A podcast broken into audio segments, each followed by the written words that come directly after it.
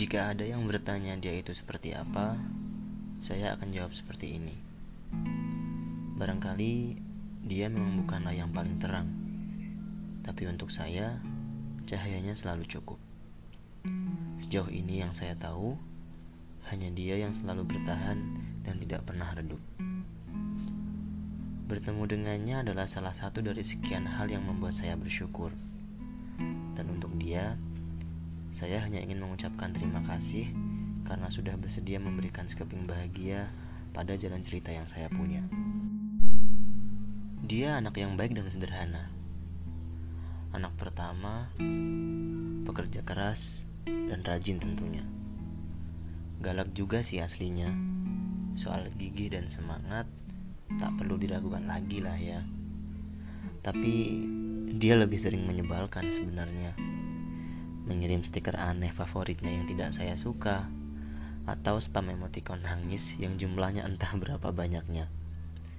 Tapi barangkali itu yang membuat saya memilihnya. Dia memilih menjadi dirinya sendiri yang apa adanya. Dan dia adalah seseorang yang akhirnya membuat saya merasakan kembali bagaimana bahagia dan deg-degannya bertemu dengan sepasang mata.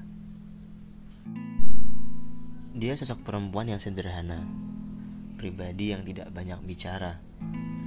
Dia lebih sering cuek dan kadangkala cerewet juga. Apalagi saat bercerita apa yang tengah ia rasa. Tanpa sadar, dia mengajarkan saya rasa sabar dalam hal apa pun. Sosok yang paling rajin menagih kuas dan kata-kata, lengkap dengan peraturannya yang selalu membuat saya mengalus dada. Untuk saat ini, kami hanya ingin berbagi saling yang sederhana saling menautkan hati dan mengaitkan mimpi, saling mengingatkan yang lupa dan menghangatkan yang luka, saling meneruskan kasih dan menuliskan kisah, dan tentunya saling memberi ruang untuk memperjuangkan mimpi dan cita-cita yang masing-masing kami punya.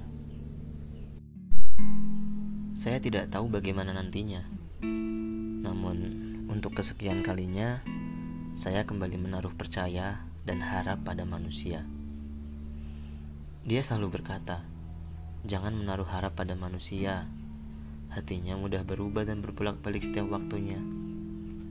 Tapi saya percaya, kita tidak bisa hanya berlindung di balik kalimat Tuhan membolak-balikan hati manusia jika untuk berpisah atau alasan lainnya.